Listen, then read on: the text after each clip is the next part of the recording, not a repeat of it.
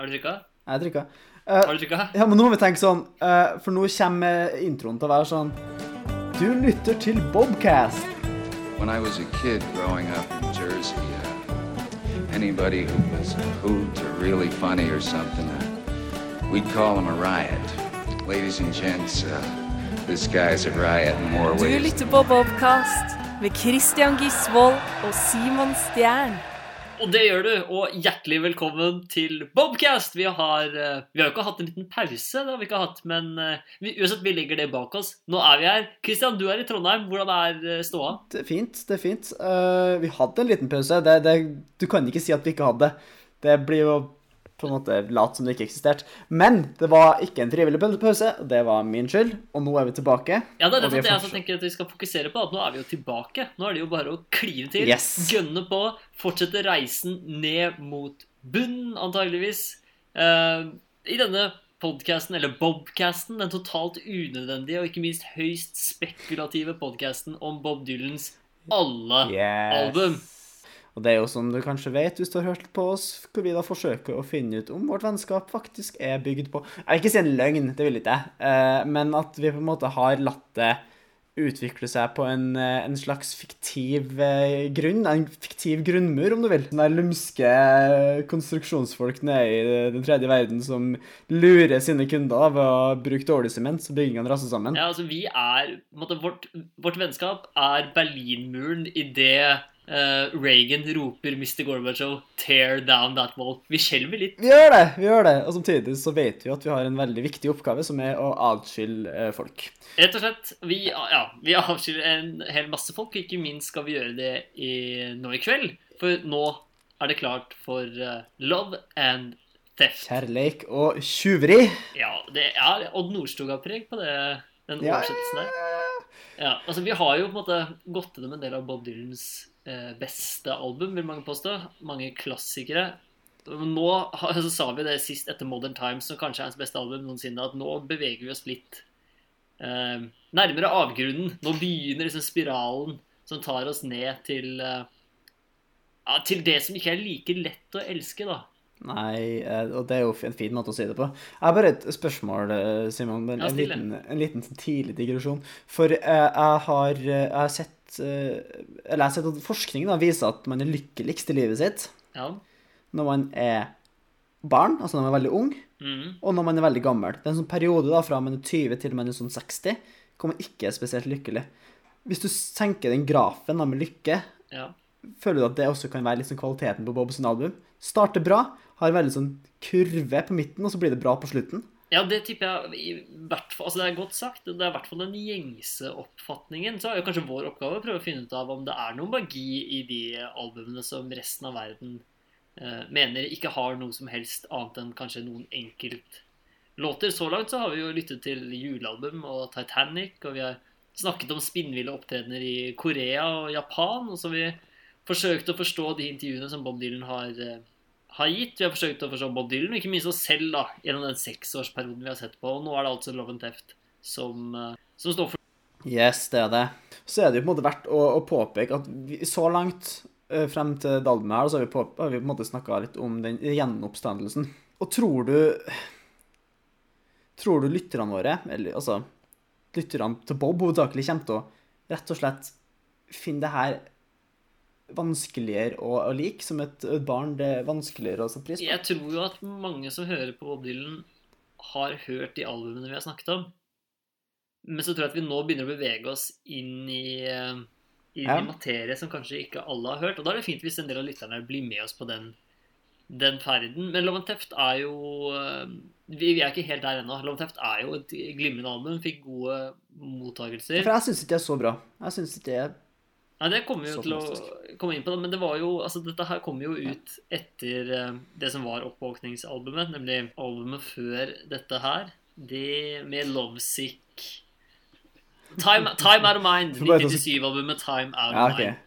Du får kutte ut den delen hvor vi ikke vi skal prate om her, så ingen som skjønner at uh, At det ikke ble en sånn klein, eh, klein uh, pause der. Men det jeg har lyst til å nevne før Ja, vi ja. går i gang med å ta for oss uh, Love and Theft, er at For vi har jo snakket om at det, det kan jo være trist å ikke få høre Bob Dylan i en Bobcast. Ja, absolutt. Ja, det er klart at det er trist. Ja. Um, men så har jeg snakket med en del jurister som mener at risikoen er for stor, og at det ikke er noe vits. Og at det går an å spille av noen få sekunder uten at det gjør noe. Men blir det liksom verdt det? Får vi virkelig liksom fått frem de poengene vi vil få frem? Og så er ikke det, er ikke det sikkert. Men, men, Men så uh, har jeg hørt på en podkast i det siste um, som en svensk kulturjournalist, skribent og forfatter som heter Fredrik Strage har, som heter Hemma hos Strage, hvor han tar med seg kjendiser og artister hjem. litt sånn eh, hjemme hos eh, Kloppen. Litt eh, hjemme hos Kloppen, men det er ikke så mye drikking. tror jeg. Eller, jeg hørte på en med Fader John Misty, og da drakk de en del. Men det var fordi Fader John Misty sa sånn Jeg gidder ikke gjøre dette hvis ikke vi kan drikke samtidig. Så det ble ganske sånn rølpete Litt, litt sånn høykulturell hjemme hos Kloppen, kanskje? Ja, mulig, men det er kanskje for at Sverige er et mer høykulturelt land jevnt over. Jeg vet, Eneste episoden med eh, Hjemme hos Kloppen jeg har sett på, så var Sylvi Listhaug der, og hun laga noe sånn, eh, sånn kumleopplegg. Selvfølgelig laget Ja. en kumle. mm, Altså, var- er kanskje Norges mest kumlekompatible person. Ja, absolutt. Ja, det var utrolig spennende hvis Sylvi Listhaug var sånn Nei, men jeg skal lage taco fra bunnen, og ikke den norske fredagstacoen, men eh, ordentlig meksikansk. Det hadde vært eh, Det hadde vært spennende. Det hadde, jeg, jeg tror det hadde på en måte endra litt mitt syn på henne. Det hadde kanskje vært litt sånn Ja, ja, men ikke, jeg, tror, altså, jeg tror ikke hennes mål er du nødvendigvis skal endre ditt syn på Sylvi Listhaug. Fordi hvis hun, gjør, hvis hun endrer seg selv på en måte som gjør at du endrer ditt syn, så mister hun nok en del av de ja det er sant. hun allerede har, tenker jeg. Det er sant. Det ene leder til det andre. Sommerfugleffekter, og så videre og så videre. Ja, så Sylvi Listhaug til side. Det jeg skulle si med Fredrik Stage, var at han helt liksom uhemmet bare blæste den ene sangen etter den andre i podkasten. Og ikke bare liksom tre sekunder for å illustrere et poeng, men rett og slett i sin helhet. Og så snakket de om låten etterpå. Hva syns du om denne? Ba, ba, ba. Så ble jeg sånn Hvorfor er det greit? Det kan jo være at det er på samme måte som det er noen som på en måte parkerer Som, har, som jobber i sentrum, da. I, øh, parkerer ulovlig. Ikke betaler parkering, for de tenker at ja, jeg får kanskje en parkeringsbot innimellom, men jeg sparer penger kontra det å betale parkeringsavgift hver dag. Ja, Men tror du ikke parkeringsboten Bob Dylan vil gi oss, er såpass høy at det er litt for risikabelt? Og Men det, er jo, det finnes jo nesten en podkast per menneske i den vestlige verden. Så jeg tror kanskje at det kan være en sånn uh, de har gambla på at de aldri kommer til å bli tatt i det. Kan være. Og det kan vi i og for seg gjøre, men den, den diskusjonen får vi ta um, off camera, holdt jeg på å si. Off microphone, i hvert fall. Fordi nå, altså Man kan jo godt lytte til Love Theft-albumet. det anbefaler jeg å gjøre. Eh, kanskje stopp, eh, stopp eh, avspillingen av denne podkasten nå. Hør gjennom albumet, og så kommer du tilbake til oss. Bob Dylan's influence as a songer, singer, and songwriter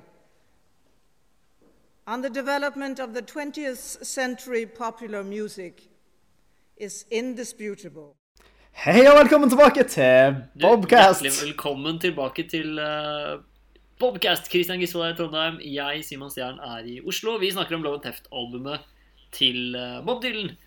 Det gjør vi. Og Er det en teori til. Ja, kom med den først, da. At de har rettighetene. Det går jo an for at uh, veldig mange av vi må rettigheter. Fredrik Strage? Ja, kanskje det er en produksjonsselskap som er i ryggen der, som har rettigheter. NRK for eksempel bruker jo veldig ofte jingler og sånne som bruker ekte Men de sanger. spilte, de spilte Bob. Jo, men de har jo rettigheter. NRK har jo Ikke til Bob. Ja, men så var det ikke NRK som har spilt inn der. Nei, nei, men-. Kanskje han er et produksjonsselskap på ryggen som da sitter på tonerettigheter, eller har et eller annet. Sitter på Bob-rettigheter. At Bob er jo en artist som alle andre, som sikkert er via noe sånn svensk utgave av Tono, da. Toso. Ja, ja. Det kan være. Vi får, ja, vi får sende mail til det produksjonsselskapet. Fordi klart at Den podkasten her hadde jo blitt løftet av at vi kunne spille noen samples. Ja, men da hadde også klippearbeidet kommet til å ta mye lengre tid, da. Tenk på det. Så da hadde det kun blitt en episode i året. Ja, det er jo ikke hadde vi bare fått dedikert oss mer, da. Åh, det kan være. Men nå, altså nå, dette skulle vi ta off microphone, og nå skal vi inn i Love and Theft-albumet. Yes. Vanligvis når vi pleier å introdusere disse albumene, så pleier vi å gå gjennom liksom, topplister i ulike land. eh, på det tidspunktet som albumet ble lansert. Vi snakker litt om hvilke filmer er som har vært på kino, hvem er det som har vært kulturminister, hva som har skjedd i landet vårt. Eh, og når vi har gått gjennom disse topplistene, så har det jo stort sett vært Kaizers Orkestra og Black Eyed Peas. Som kulturminister. Som kulturminister, selvfølgelig, og som beste filmer. Yes. Um, og så har det vært uh, Gitarkameratene. Oh, yes. Ja, Så vi, vi har liksom vært skuffet egentlig over det som har preget toppene i uh, de årene vi har snakket om. Ja. Men, Så vi skal ikke gjøre det denne gangen, og det er det en ganske åpenbar grunn til. Nemlig at Love and Theft kom ut 11.9.2001. Det Samme dag som fire fly ble kapret av Al Qaida. stemmer, det. Samme dag som to av de senket tvillingtårnene. Samme dag som det tredje krasjet i Pentagon, og det fjerde krasjer i en åker før det nådde målet. 3000 mennesker, altså nesten 3000 mennesker ble drept. Og kaos var født.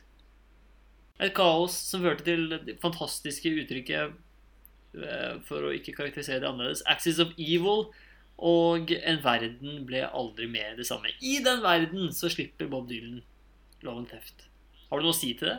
Nei, eh, ingenting. Altså, jeg, jeg støtter resonnementet ditt, men samtidig så tror jeg jo fortsatt Jeg tror ikke VG-lista ble lagt ned, eller Billboard-lista slutta å eksistere. Så jeg tenker jo at vi kan, vi kan ta en off eh, microphone-diskusjon på om vi skal doble den dosen neste episode.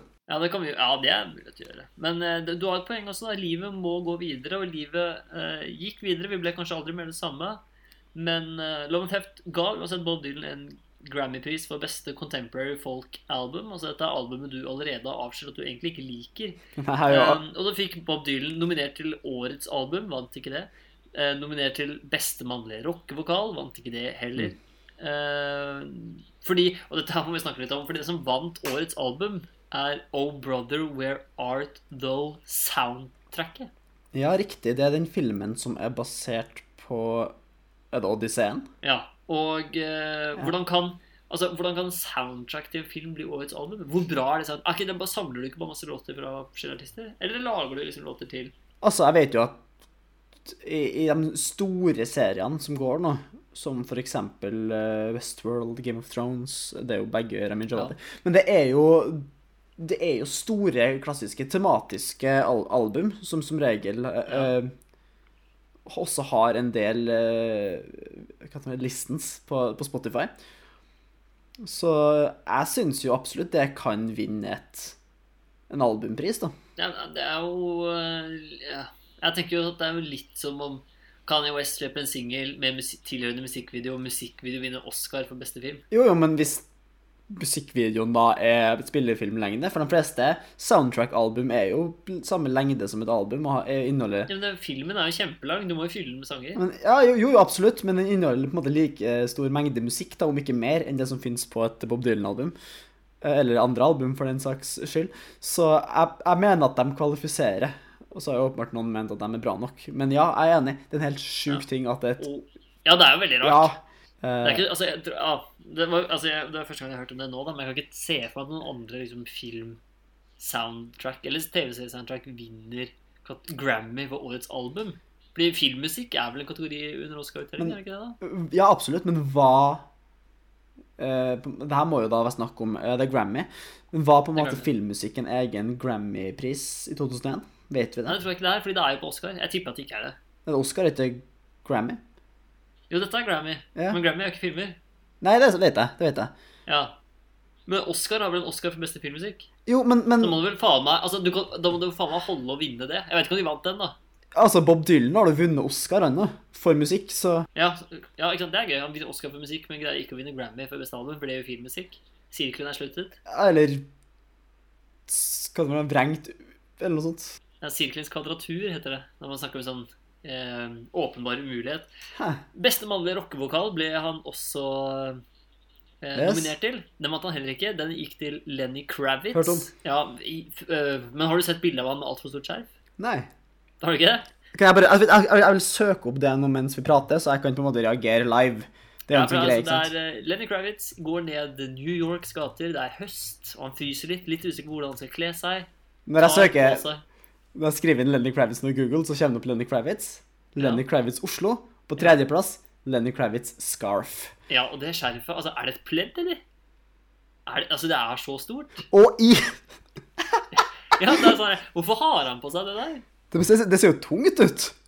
Ja, Nå har vi allerede bedt dere om å stoppe opp for å lytte til Love and Theft, men stopp gjerne opp og søk opp uh, Lenny Kravitz, og velg det tredje alternativet. Lenny Kravitz Scarf. Det ser kjempetungt ut. Det er der hvis det begynner å regne nå. Ja, det kan du vel fort gjøre. Oi, oi, oi. Men Ja. Lenny Kravitz til side, Oh Brother Where Art Though til side. Uh, la oss snakke litt om uh, Love and Theft. Eller Ja, eller vent litt, da. Vi, uh, vi må snakke om eh, om noe annet først. Vi må nemlig snakke om eh, Yakuza. Vi må snakke om den japanske mafiaen. Gjerne!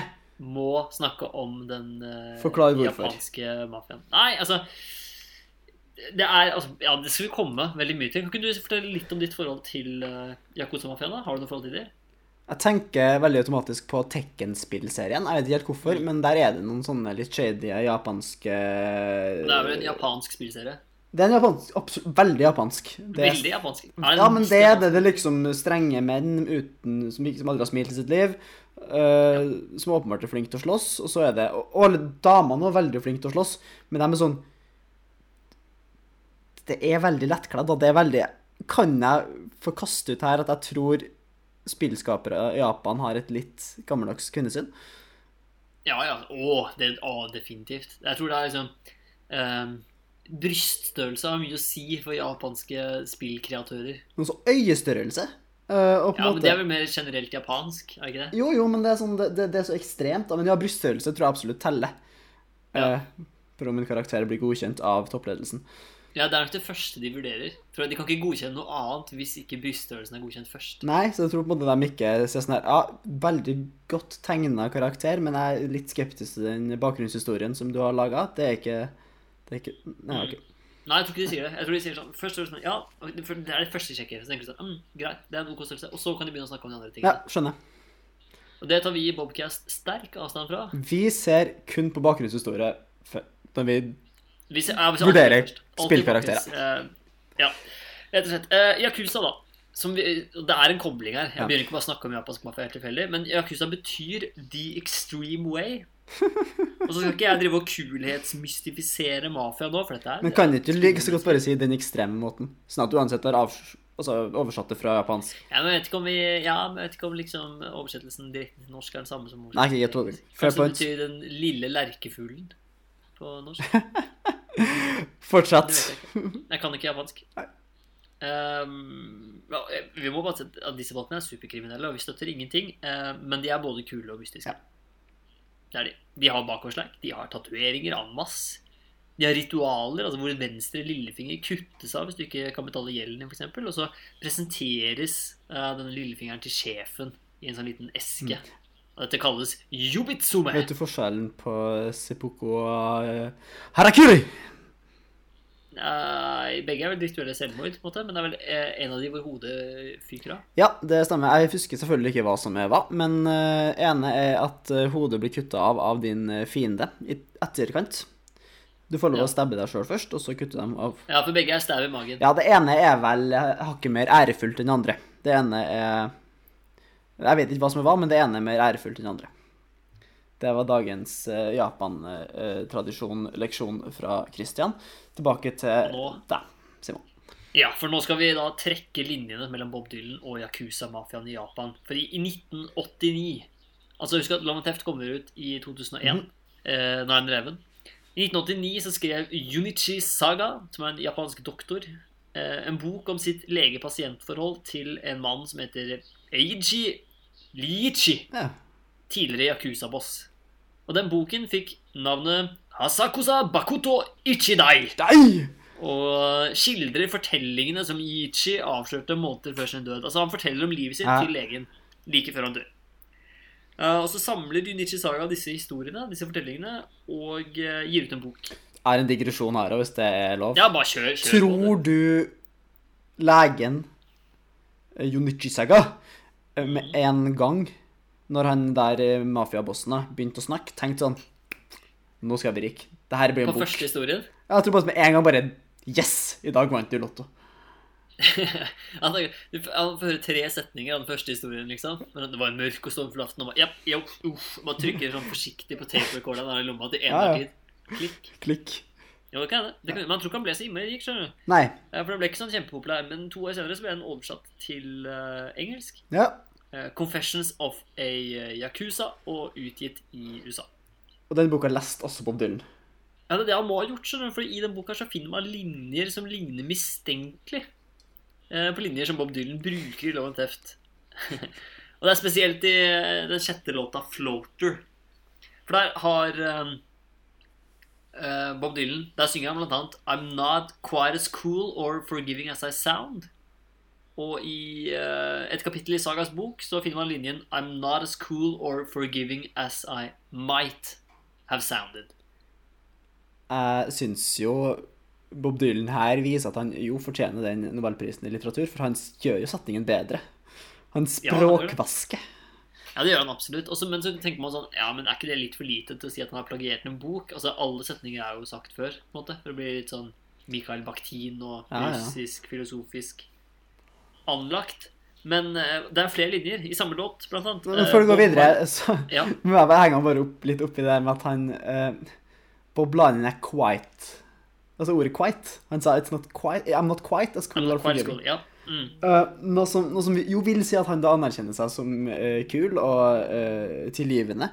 Dog ja. Men ikke like. Nei, ikke like. Mm. Så det er jo noe man kan nevne. Ja, Bob leser og tenker sånn Ja, det gjelder meg, men jeg er faktisk kulere enn det denne fantastiske Eller ikke fantastiske, men denne fryktinngytende japanske mafiabossen har vært da i sitt liv. Yes, yes, yes. Men videre, det var flere setninger. Ja, det var en setning til. Der Det ble eh, linjen My old man, he's like some feudal lord, synger Bob Dylan i innledningen av denne sangen. Og den er også nesten helt i starten av boken. Noe som betyr at Bob begynner jo liksom å markere seg ting ganske tidlig, da. For der står det nemlig My old man would sit there like a feudal lord. Ja. Og da blir det liksom Da er det ikke tilfeldig lenger, da. Nei, det er noe uttrykk der som på en måte går igjen, som er så på en måte Old man-uttrykket, feudal lord Altså både, ja, nei, eh, både språklig bilde og måten man omtaler da sin forelder av type far på. Ja, ja, ja, ja. Så det er jo liksom åpenbart plagiat, men det er, altså, det er, jo, det er jo ikke unikt for noen, det. Verken for Dylan eller andre artister. Men eh, det som er litt snodig, er at den boken her Den var jo ingen kioskvelter. Ja, den øh, har jo ikke solgt en masse. Det er ikke sånn at han, han siterer jo ikke Bibelen. Det gjør han jo andre steder, selvfølgelig. Men?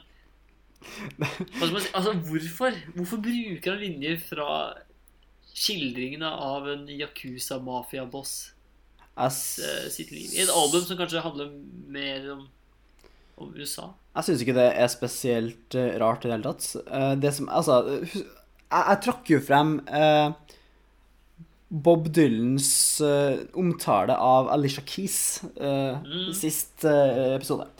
Fordi jeg syns det jo var rart at han i hele tatt visste hvem hun var. Og det var jo nettopp fordi hun var ganske kjent, at jeg syns det var rart at han visste hva. At han trekker frem en relativt ukjent bok om det veldig interessante, men dog litt snevre temaet Yakuzaen. Det overrasker meg ingenting. Det er her jeg ser for meg at Bob Dylan leser når han skal kose seg. Uten at Jeg bare skjønner ikke hvordan han har kommet over det. Men øh, han blir jo selvfølgelig konfrontert med dette. da. At han skal ha plagiert. Eh, og da svarer han på det tolv år etterpå, altså. I 2013 Ja. eh, så ble han spurt Altså, plagierte du Har du stjålet linjene fra den boken? Uh, og da sier han at de eneste som klager på plagiat, det er to grupper. ja, det? ja, det er wussies, Okay. og det er pussies. Hva, Bob Dylan svarer Wussies and pussies complain about that stuff. Saken er død. hva, Det er ikke noe mer å snakke om. hva er en woozy? Nei, det er vel en uh, pingle? OK, men det er ikke en pussy og på en måte et, eh, en, Det er en katt. en petafor for pingle, skulle jeg si. Nei, pingler og katter Fingre. er de som klager. Ja, ja, ja, nei, eh, det er vel en reaksjon som venta, det. Ja, Men han innrømmer også i samme intervju at han plagerer. Han, sier, han kaller det jo sitering. Ja. Ikke sant? Han kaller det jo ikke, altså selvfølgelig ikke plagiat. Men det betyr jo, Simon, at vi kan bruke Bob Dylans uh, verk fritt. Og hvis han noen gang ringer oss, og vi ikke gjør som Åge Aleksandersen og dropper å ta telefonen, men svarer, så kan vi si at vi ikke Altså, vi bare altså, vi siterte verket hans. Vi jo ikke helt det samme, men jeg føler vi har en sak her, da. At opphavsrett, Ja, samtidig er er, er det noe Bob Dylan hater, så er det jo folk som snakker om hans musikk. Det er jo det verste han vet. Det er et veldig godt poeng. Så han hater denne Bobcasten. Og det gir oss motivasjon til å fortsette med. Ja, det gjør det. Vi gjør det for å trosse Bob Dylan. Han er en middel for å nå et mål, og målet er selvinnsikt. Ja, Men altså klager Bob Dylan litt på dette plagiatspørsmålet. Og så sier han sånn at eh, sitering er en veldig rik tradisjon. Og han forstår ikke hvorfor det kan aksepteres av alle andre når alle andre gjør det, eh, og bare ikke han. Kan du forstå den frustrasjonen? Nei. Nei, for altså, Bob Dylan har jo liksom alltid blitt anklaget for plagiat. Han har jo alltid liksom stjålet alt fra melodi til toner og akkorder til tek rene tekstlinjer, og her også da fra eh, det japanske yakuza-miljøet.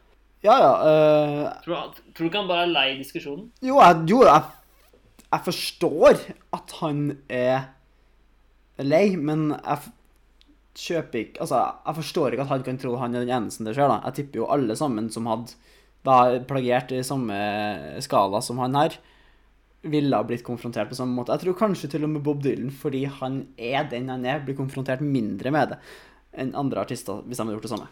Ja, for, ja, ja, nettopp. Ja, for Bob Dylan mener at det det ikke er så enkelt å bare sitere, sånn som du vil ha til, Kristian. At det bare er sett Nei! av Bob midt i podcasten, og så bare sånn Nei, vi siterer da bare. Ehm, for et annet spørsmål, på et annet plagiat, hvis vi skal kalle det det, er da Bob Dylan bruker den amerikanske poeten Henry Timmond. Uh, så ble han spurt om det, hvorfor bruker jeg Henry Timmond? Og da svarer Bob at hvis du tror det er så enkelt å sitere ham, at det hjelper arbeidet ditt, så gjør det sjæl, da, og se hvor langt du kommer. Det er jo horribel retorikk fra Bob Dylan, fordi for det første så svarer han ikke på spørsmålet. Nei, han går rett i strupen. Han går, ja, han går rett i strupen. Superdefensiv. Greit det, Bob. Greit det. Jeg tenker at det er noe av sjarmen ved Bob. Kanskje altså, at liksom- du kan finne spor av den type ting. Du finner det du leter etter, på en måte. Alt fra hobbyforskere til eh, akademikere. Eh, Vi vier jo mye tid på Bob Dylans tekstuelle spor. Men vi gjør ikke det. Jeg snakker for deg sjøl, holdt jeg på å si. Eller jeg kan snakke for meg sjøl. Jeg gjør ikke det. Du har ti studiepoeng i Bob Dylan. Ja da, jo, jo, jeg har holdt på med det her. Det har jeg. Men eh, det er ikke det vi holder på med nå. Nå går vi for ren magefølelse. Ja, ja, det her, men altså, vi, premissene for podkasten her er jo gjort uh, pinlig klar. Vi, vi har ikke ekspertkunnskap om noe vi snakker om, bare så det er sagt med en gang. Hvis du trodde du nå hørte på en podkast med to Bob Dylan-eksperter som lirer av seg den ene peer-reviewed setningen etter den andre, så det er feil. Du hører på en podkast hvor vi fjaser. Ja da, og, eh, men også hvor, vår, hvor vår kjærlighet til Bob Dylan kommer frem. Eh, Theft klikker inn på litt i overkant av 50 minutter. Det er tolv låter. Eh, noe som jeg syns er litt sånn snodig med tanke på de albumene vi har sett på så langt, er jo at det er liksom ingen sånn åpenbare lange låter på Love Theft. Det er ikke noe Tempest. Nei, det er ikke det. Eh, det er ingen tolv minutter lang eh, berettelse om Titanic. Det er ikke noe epos. Ikke få epos. Eh, det er jo litt annerledes, men husk at det her kommer jo før. Så det kan Jo, jo det er men på skiva vi skal snakke om neste gang, Time Out of Mind, den uh, avslutningslåta der varer jo i sånn 16 minutter. Eller. Åh, det deler deilig. Og den er veldig fin. Det er bare en historie. Uh, blant annet en veldig spennende scene hvor Bob Dylan uh, sitter på en kafé, og så daten hans ber ham om å tegne henne. Og så vis, viser han tegningen til henne etter å ha sketsja litt, og sier sånn 'Det ser ikke ut som meg i det hele tatt'. Ja, og så blir det litt dårlig stemning. Ehm, men det er mange radiovennlige lengder her. Det jeg har lest om albumet, er at eh, Bob i starten prøvde dette er ganske spennende, han prøvde å sitte i et hjørne og synge sangene med bandet bak seg, så han hadde ryggen vendt mot bandet. Så han satt på en måte i skammekroken på Ja, et vis. litt. Han satt og sang. Og så funka ikke det, så han satt seg ved pianoet og sang. Og så um, var han litt sånn utålmodig.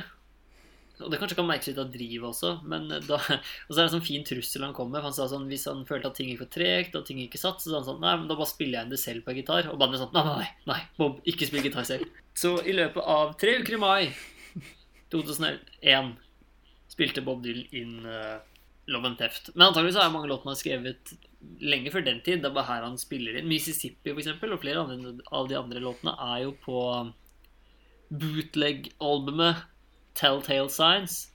Ja.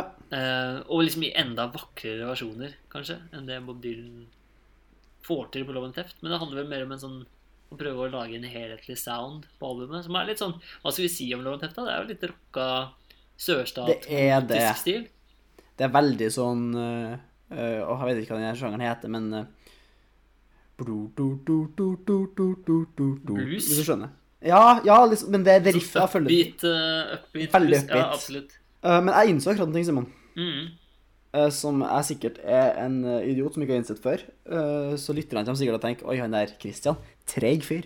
Ja. Eh, men så albumet heter jo Love and Death. Han, han anerkjenner jo i tittelen på albumet at her er det stjålet. Ja, ja. Jo, i og for seg, men han sier Ja. på Ja, det er eh, kanskje ikke oppsiktsvekkende, men et interessant funn. Ja, altså, det er jo ikke Det er, det er ikke gravd så mye for å finne ut, men eh, det bare var en sånn lyspære over hodet mitt nå. En eureka. Ja. Ja, og det er sånn, et sånn stikk til journalistene. Sånn, jeg vet at dere kommer til å finne det ut, men jeg er allerede foran dere og innrømmer det her. Ja, rett og slett. Ja, ikke sant? Kanskje. Det kan, altså, man har jo stjålet på veldig mange album, da. Ja, selvfølgelig. Ja, men her er det jo liksom kanskje mest opp... I og med at det er sånn direkte avskrift. Og når, vanligvis i andre tilfeller hvor han plagierer, så har han en tendens til å liksom si det. Ja. Først altså i låtene, sånn As Verlaine said, for eksempel. Mm. Et lite sitat. Uh, men har du noen favorittlåt på skiva, eller? Jeg har det. Jeg har det. Uh, og Vil du dele med oss? Nei. Jo, jeg vil, det. jeg vil Ja, absolutt gjør dele. Uh, det sto mellom to stykker, Mm. og så gikk jeg selvfølgelig da for én. Fordi det er det Ja, som vil si å gjøre en favorittlåt. Ja. Uh, det mellom Mississippi. Ja, men snakker du da om den versjonen her, eller Telltale Signs? Uh, Jeg snakker faktisk om versjonen her. Jeg har ikke hørt uh, i oppladningen Å, det må du høre. Den ligger bare på en sånn skarp. Altså, den ligger på skarprommet hele veien. Men jeg kan jeg, Kjempeemosjonell. Altså, den er jo en utrolig sånn low-beat, veldig fin sang. Så jeg tenker meg at hvis den kjører en enda med lavere i arrangementet, så blir den jo enda finere òg, på et vis. Ja, ja, helt nydelig. Nydelig. Uh, men jeg landet på den, da. For jeg landa på High Water for Charlie Padden. Kanskje den uh, låten som Bob Dylan gjør aller best live. Det, Nowadays. det er spennende. Ja, det er helt fantastisk å høre live.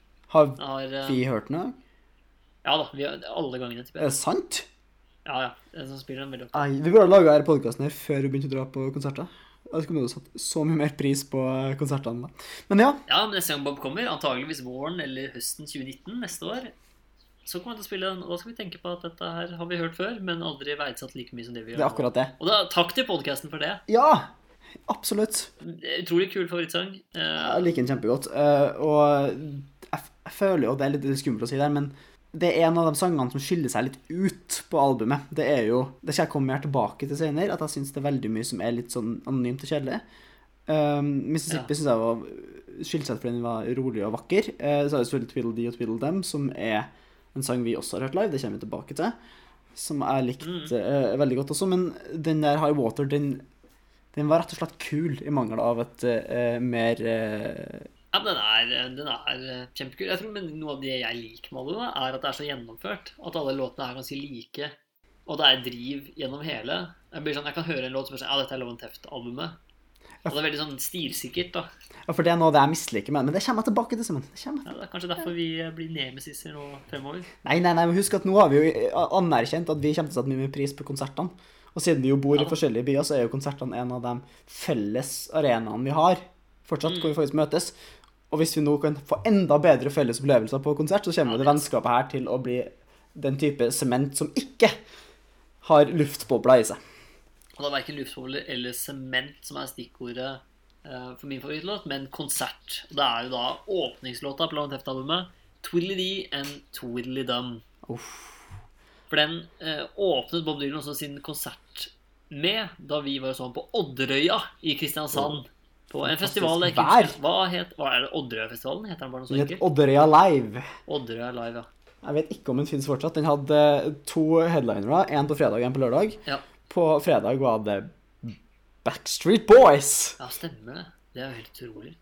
Og På lørdag var det Bob Dylan. på lørdag var det Bob Dylan. Hva, som, det var, hvem, hva het hun eh, norske som varmet opp? Anne Grete Preus. Anne Grete Preus vet du. Hun er jo en slags norsk Bob Dylan på mange måter. Eller eh, i det minste Nei, ikke Bob Dylan, men uh, Janis Joplin, kanskje, da.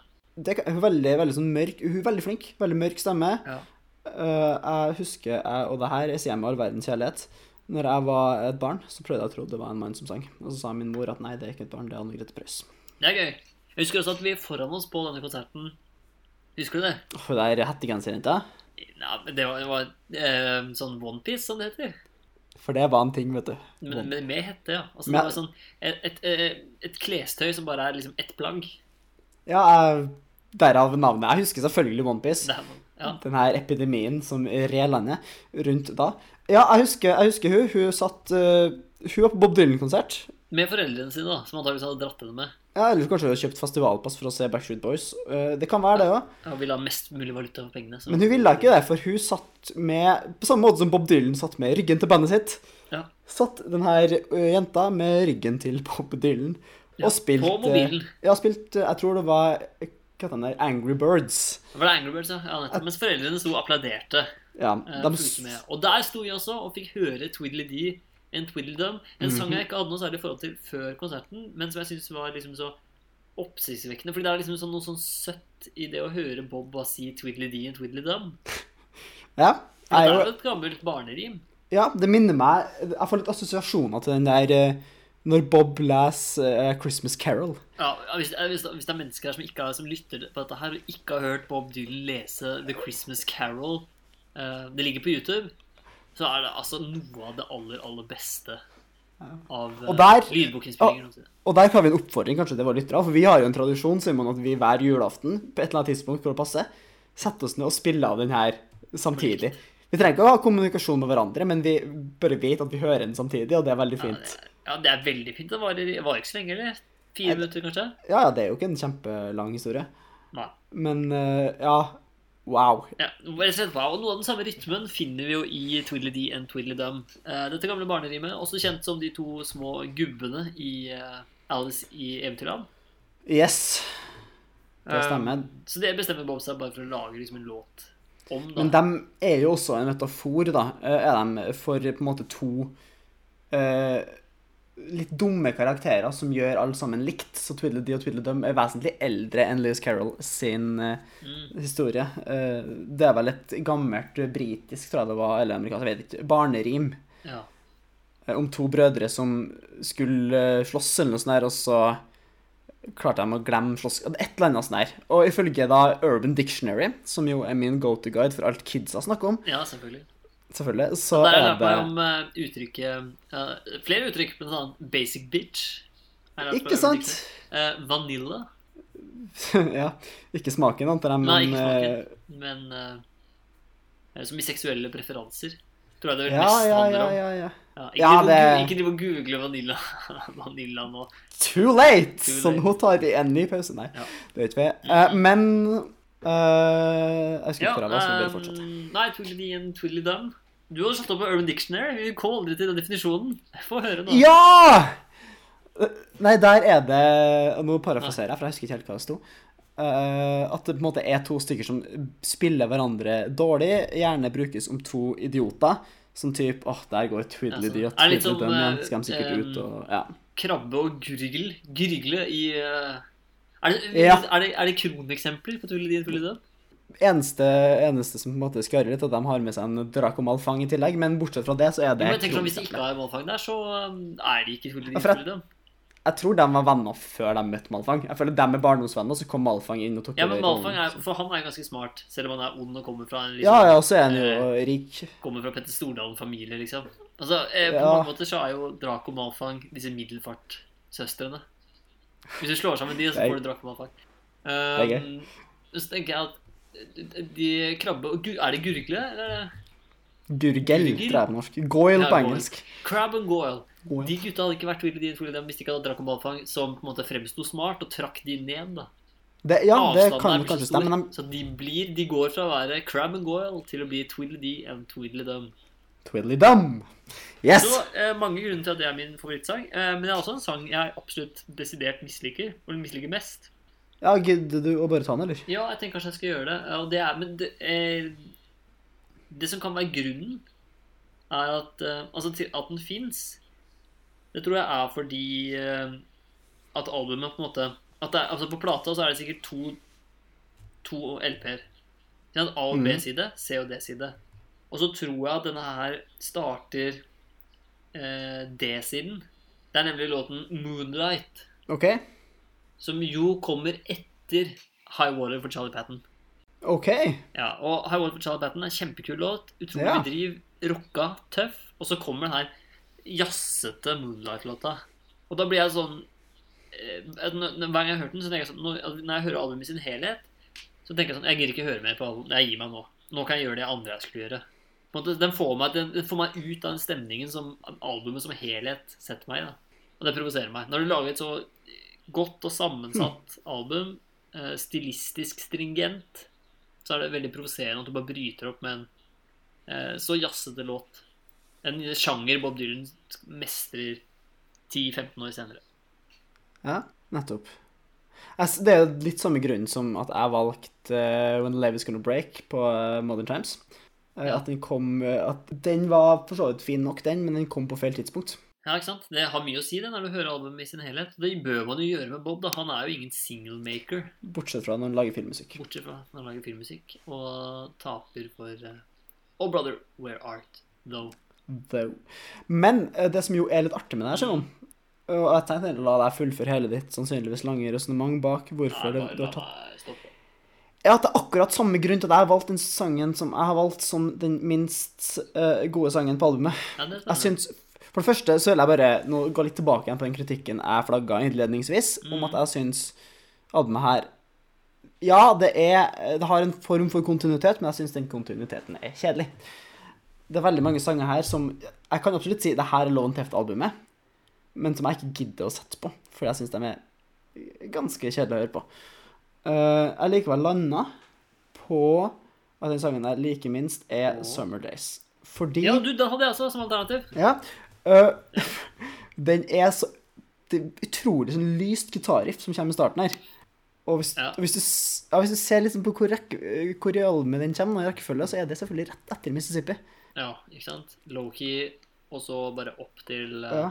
Og nå har da tre av de siste dårligste sangene vi har funnet, vært fordi de kommer på feil sted i albumet, så kan vi spørre Bør Bob Dylan bli flinkere til Eller har han blitt flinkere øh, til å sette opp rekkefølgen på låta på album? Ja, eller eh, er låtene såpass gode at du rett og slett må finne grunner til å mislike dem? Nei, men det er samme som du sa, da. At hver gang jeg har hørt ferdig Mississippi, er litt sånn i zen, og så kommer Summer Day, så rykker jeg meg ut av det, så tenker jeg nå vil jeg gjøre noe annet. Nå vil jeg høre på noe annet. Ja, nei, ja, det er samme. Vi har jo samme grunn.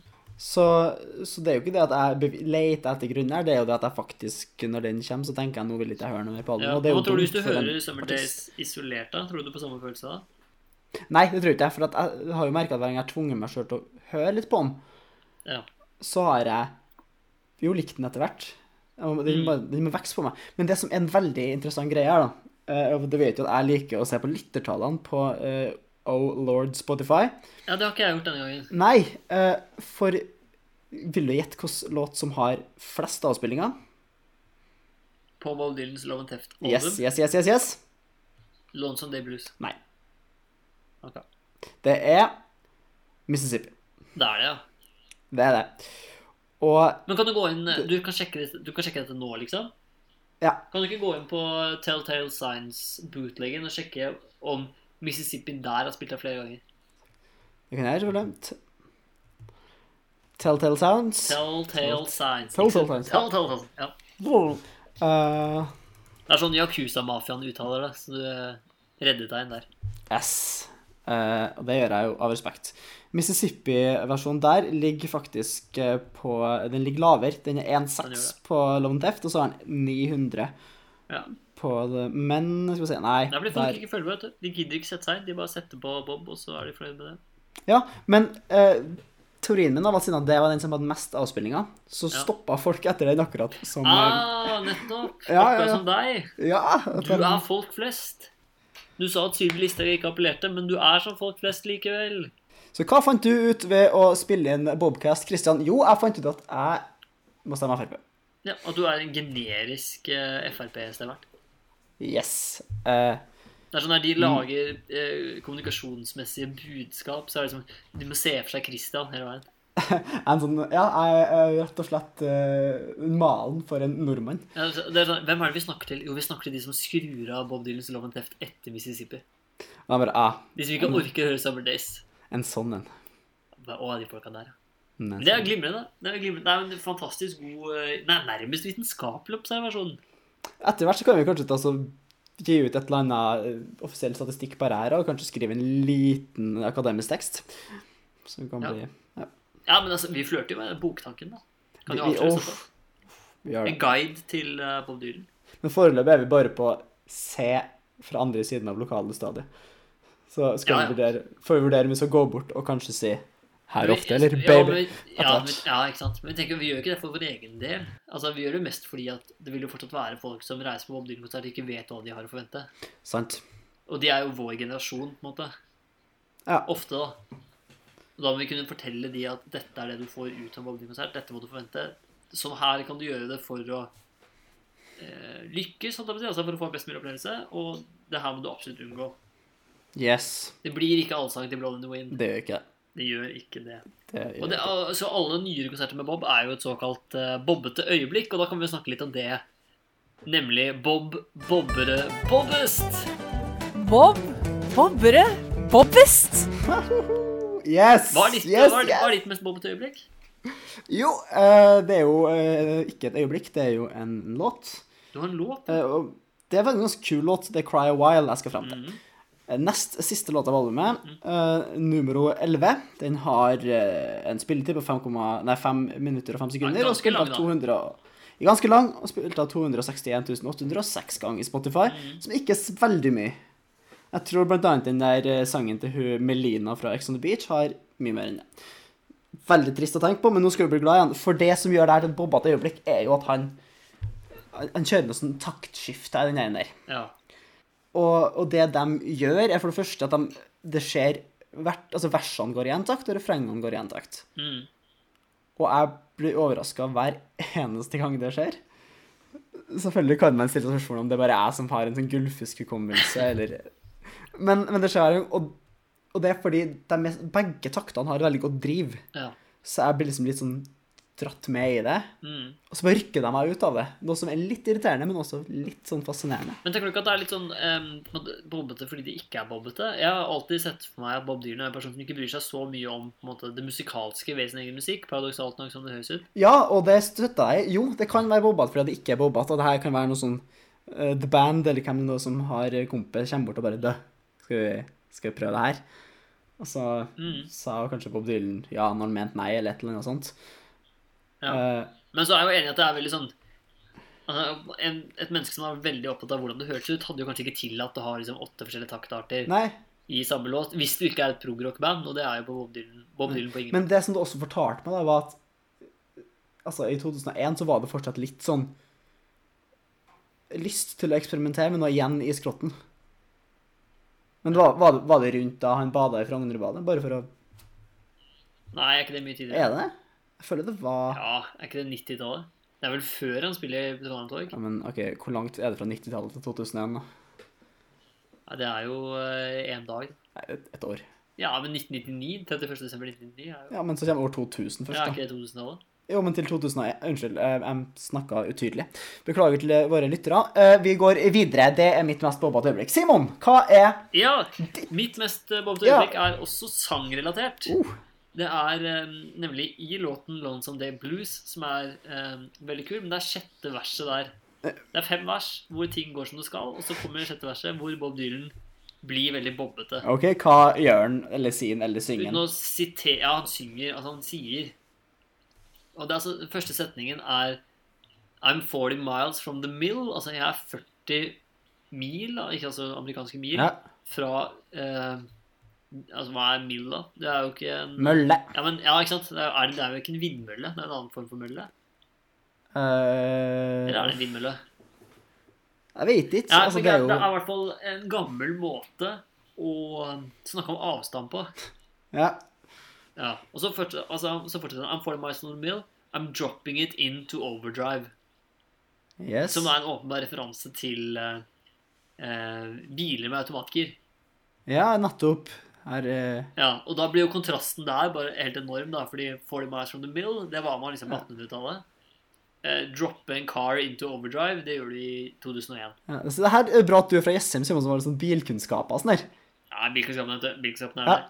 Eh, og så sier han 'Setting med dial on the radio'. Og så går på setningen helt ut av det blå. I wish my mother was still alive. Og den siste, altså, Det er ganske interessant den forskjellen på 40 miles from the mill og dropping it into overdrive. Men bare det sånn helt ut av det blå. Bob Dylan sitter og kjører bil. Og bare helt ut av det, så bare I wish my mother was still alive. Og den treffer meg så midt i hjertet hver eneste gang. Jeg er glad i moren min, liksom. Det er det også. Men Hun lever jo. ja, hun gjør jo det. Det må vi bare si med en gang, så folk ikke begynner å sende sympatimailer. Sånn. Nei, men hvis de har lyst til å gjøre det, så kan de godt sende det til bob, bobcastpodcast at outlook.com. Ja. Men ja, ja, min mor lever. Men jeg bare eh, Det sier noe om Det jeg bare kan anta, det er bare spekulasjoner fra min side, men sorgen man kjenner på når en forelder har gått bort. At man er sånn alltid til stede. Ja. Henger du med på det? Altså, Bob sitter i bilen, og han er 40 mil unna mølla. Setter bilen i overdrive, så han kanskje kliner til. eh, Skrur på radioen. Og så bare sånn Men jeg skulle ønske mamma fortsatt levde. På en Det kommer liksom litt brått. da Like brått som det kommer i sangen, kommer også den sorgen. Veldig bobbete. Veldig bobbete. Jeg er enig når jeg eh, på en måte har hørt teksten at den eh, Den tar deg litt på senga. da. Ja, det gjør det. Akkurat. Så blir man sånn. Oi, ja, shit. Og så blir man kanskje sånn Å, mamma. Lenge siden jeg med henne. Så eh, takk. Tusen takk, Bob Dylan. For at han redder mor-sønn-forhold, eller mor-datter-forhold, for den saks skyld. Verden. Verden over. Det er nettopp det han gjør. Og Bob Dylan, altså Moren til Bob Dylan er død. Det, Ja, ja, da, det antar vi. Ja, ja, det må hun jo være. Bob Dylan selv er jo 77 år, liksom. Moren til Bob Dylan var ikke 10 da, da hun fikk han. Nei, nei, men hun kunne vært sånn 20. Men Bob. Dylan lever. vært- Og han lever i beste velgående. Så vi må jo snakke litt om hva Bob Dylan har gjort siden sist. Ja, kan du fortelle meg det? Jo, fordi altså, Jeg har kommet hjem fra Montenegro, jeg er tilbake på jobb. Høsten tar Norge med storm, og det som tar He-he, den er morsom. Og det som, Ja, det er ganske bra. Ja, det som tar um, Det som ikke går upåaktet hen i verden, er Bob Dylans 1975-album 'Blood On The Tracks'. Eh, Yes. Bob Dylan gir ut disse greiene på nytt. Eh, Forrige gang så var det kristenperioden som eh, ble satt under lupen med masse Mhm. nye, kule innspillinger fra 79, 80 og 81, altså de tre årene hvor Bob Dylan var kristen. Og nå er det Blood on the Tracks som skal gis ut på nytt under tittelen uh, som høres litt ut som en Rambo-film, eller? More Blood, More Tracks. Jeg syns for å være helt ærlig mer det høres ut som den Sharknado-serien. Du vet den der? Ja, ja, ja. Som det er noen som bare skulle ha parodiert eh, hvis, Altså sånn her ah, Skal vi kødde med at de har gitt ut en ny Blood on Tracks, eller hva skal vi kalle den?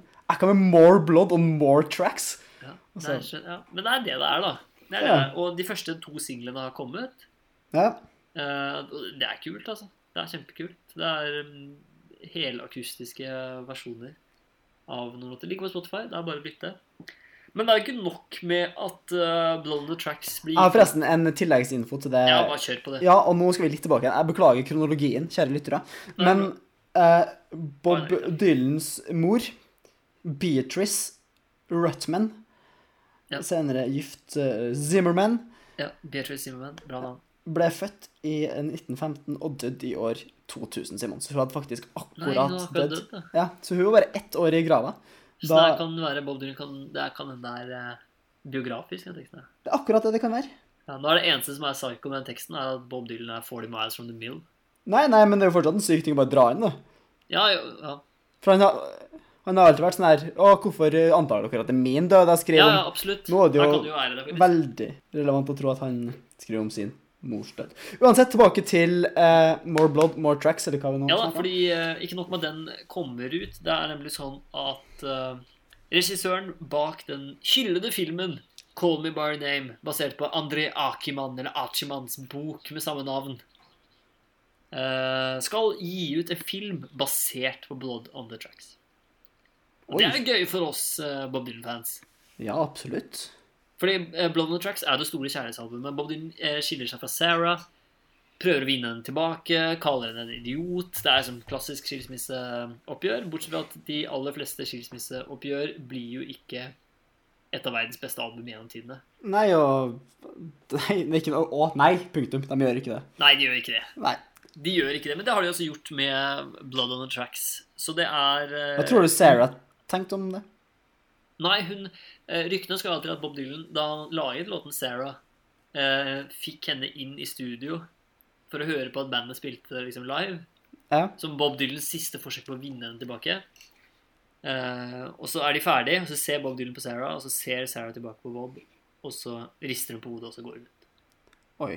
Det her kommer vi selvfølgelig tilbake til når vi skal snakke om Blood on the Tracks-albumet. men Det er jo 1975. Vi er i 2001 enn så lenge. Ja. Vi jobber sakte, men sikkert bakover. Så det er det kanskje på tide å legge lokk for, den, for dagens episode, muligens. Så vi kjappere ja, kan komme til More Blood, on the Tracks. Ja. Uh, hva han er uh, Ja, hvordan tror jeg filmen blir? Men jeg skulle spørre jeg, Ja, jeg, svar, ja, svar litt på det. Ja. Uh, For uh, Me Name, det er jo du som har sett den, altså, jeg har ikke sett den filmen, ennå, dessverre. Den var visst veldig fin, ja. Veldig fin. Eh, så man kan jo anta Ja. at han eh, regissøren han kan sitt eh, håndverk, han kan sin craft.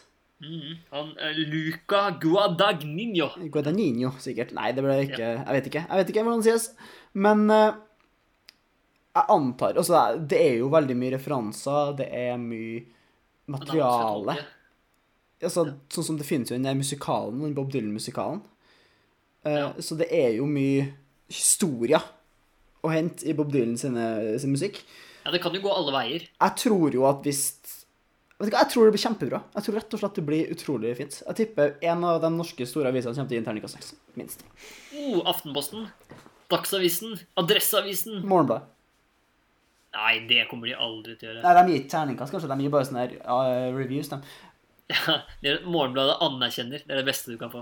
Ok. Nei, jeg, jeg tror uh, av dem Da tror jeg det er Aftenposten som er mest sannsynlig. Men det jeg lurer på, er eh, hvem altså Med tanke på den takten episodene våre kommer ut, hva kommer først? Er det uh, Guadagninos, More Blood, More Tracks film? Det er toeren det er toeren som heter egen- Morgenbladet. Ja. Eller er det Bob Dylans box More Blood, More Tracks? Eller er det vår Blood on the Tracks-episode? Oi. Tiden vil vise. Den gjør i hvert fall ikke, ikke et avis, som jeg liker å si. Er nettopp det. Så vi takker for følget denne gangen. Tusen takk for at du ville snakke med meg, Kristian. Du, det var virkelig, virkelig, virkelig en glede. Uh, Likeså, ikke minst. Men vi bobbes jo, gjør vi ikke det? Du, det gjør vi absolutt. Vi bobber Simon. Ha en veldig fin dag til alle lytterne, og ikke minst deg. Adios. Bobcast.